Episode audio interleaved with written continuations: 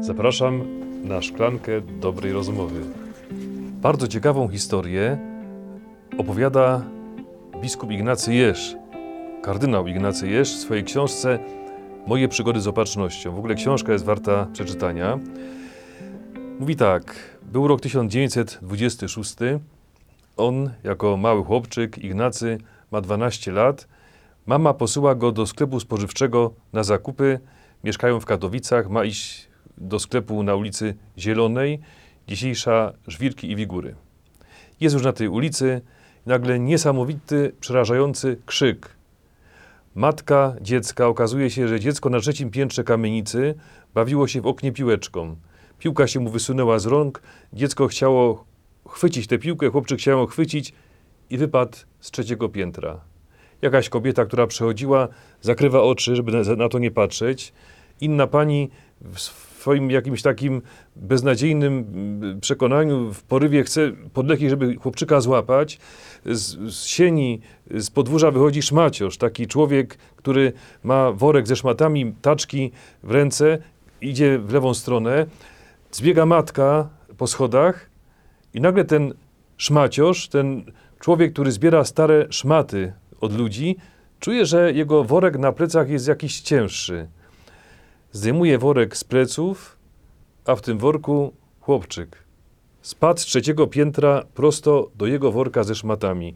Matka zdążyła zbiec po schodach, płacze, przerażona i szmaciarz wyciąga żywego, zdrowego chłopczyka, oddaje szczęśliwej matce.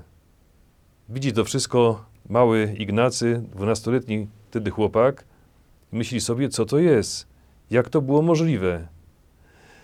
Na drugi dzień gazety Polska Zachodnia, wojewody Grażyńskiego mówi, że chłopczyk miał szczęście. Dziennik Polski Korfantego mówi, że to był szczęśliwy zbieg okoliczności. A mały Ignacy się zastanawia, gdyby ten szmaciarz wyszedł sekundę wcześniej albo sekundę później, dziecko nie, pod, nie wpadłoby do worka. Gdyby postawił taczki nie z lewej, ale z prawej strony, dziecko nie miałoby szans trafić do, do tego worka ze szmatami. Co to się stało? Kto za tym stał?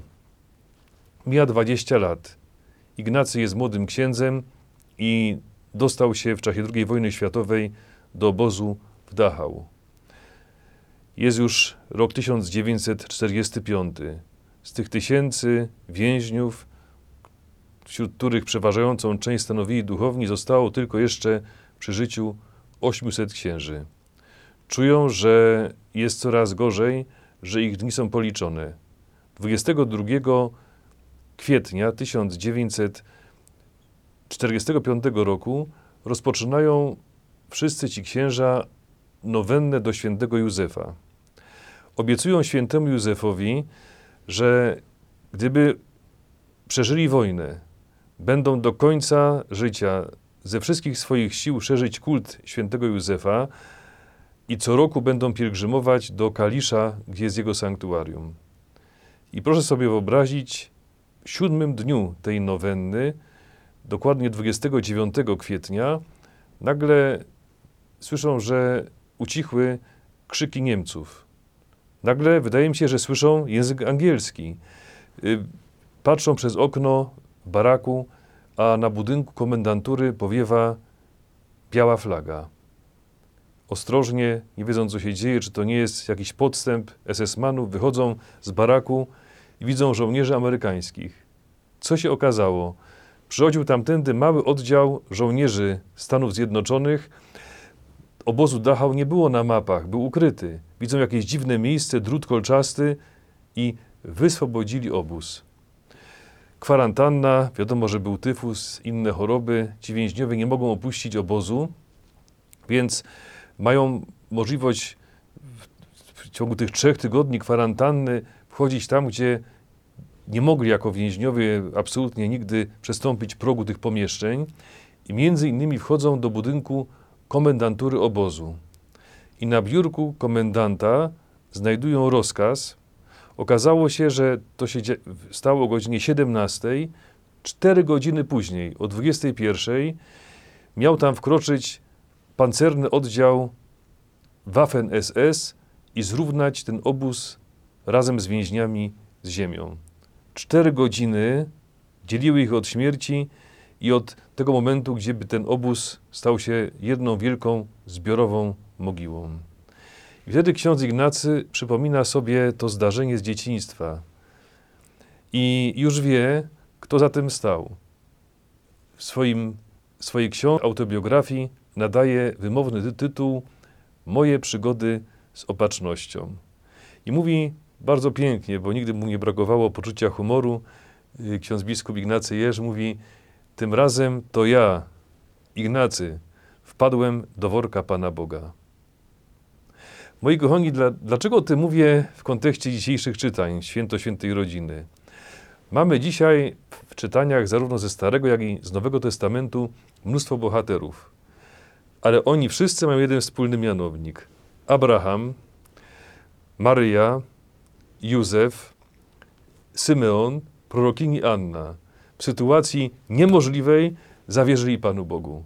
Abraham w pierwszym czytaniu dowiaduje się, że jego potomstwo będzie jak gwiazdy na niebie, jak piasek nad brzegiem morskim. Mówi, Panie Boże, moim jedynym spadkobiercą jest y, Damasteńczyk, Eliazar. Nie mam żadnego syna.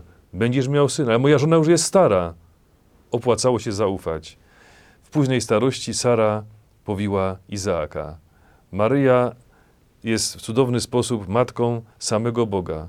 Święty Józef w ostatnim momencie dowiaduje się we śnie, jaka jest prawda, kto za tym wszystkim stoi. Symeon całe życie czeka. Wydaje się mu pewnie, że już może się nie doczeka na to, by ujrzeć Zbawiciela, a stara 84-letnia Anna mieszka, żyje przy świątyni po to, żeby w 84 roku życia zobaczyć Jezusa, Mesjasza i móc spokojnie odejść z tego świata. Moi kochani, zawierzyli bez reszty Bogu. Ignacy Jerz, przyszły biskup, a potem kardynał, zaufał Panu Bogu. Miał powody, bo doświadczenie, które Pan Bóg mu umożliwił przeżyć, mu w tym pomogło. Kiedyś ktoś bardzo mądrze powiedział: Problem współczesnego człowieka nie polega na tym, że stracił kontrolę. Polega ten problem na tym, że człowiek zapomniał, że tej kontroli nigdy nie powinien był mieć. I moi kochani, oddajmy naszą kontrolę Panu Bogu. Popatrzcie, Anna, Symeon, Abraham, Maryja, Józef, cały ten poczet postaci z dzisiejszej Ewangelii i ze Starego Testamentu zaufał Bogu i warto było. Dlaczego ty miałby być, być wyjątkiem? Dlaczego moje i twoje życie miałoby być inne? Jeśli zaufasz Bogu, wpadniesz do worka Pana Boga. To jest pewne. Tego nas uczy dzisiejsza liturgia słowa i uroczystość świętej rodziny z Nazaretu, która bez reszty we wszystkim zaufała tylko Panu Bogu. Oby Boże błogosławieństwo wyprosiło nam taką ufność. Pan z wami. Niech was błogosławi Bóg Wszechmogący, Ojciec i Syn i Duch Święty. Moi drodzy, bardzo się cieszę, że w tym okresie Bożego Narodzenia mogliśmy się już dwa razy spotkać w dniu Wigilii, w niedzielę i potem na Boże Narodzenie było kazanie i dziękuję, że, tylu z Was mm, wysłuchało tego słowa. Zegary nam się już kończą. To jest niesamowite, że ta akcja wspierania szkół katolickich tak się powiodła.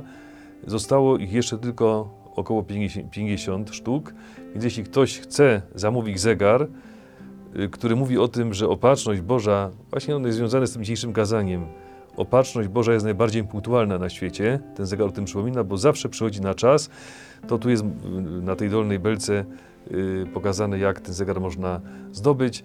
Moi kochani, dzięki, że jesteście. No, muszę przyznać, że po raz pierwszy usłyszałem takie zestawienie słów jak konsekwencje miłosierdzia. O tym mówią najnowsze dopowiedzenia. Raniero Cantalamessa powiedział, że do Pana Boga można podejść bez żadnych wstępnych warunków, ale jak się już człowiek z nim spotka, to rodzi konsekwencje na całe życie. Posłuchajmy dopowiedzeń.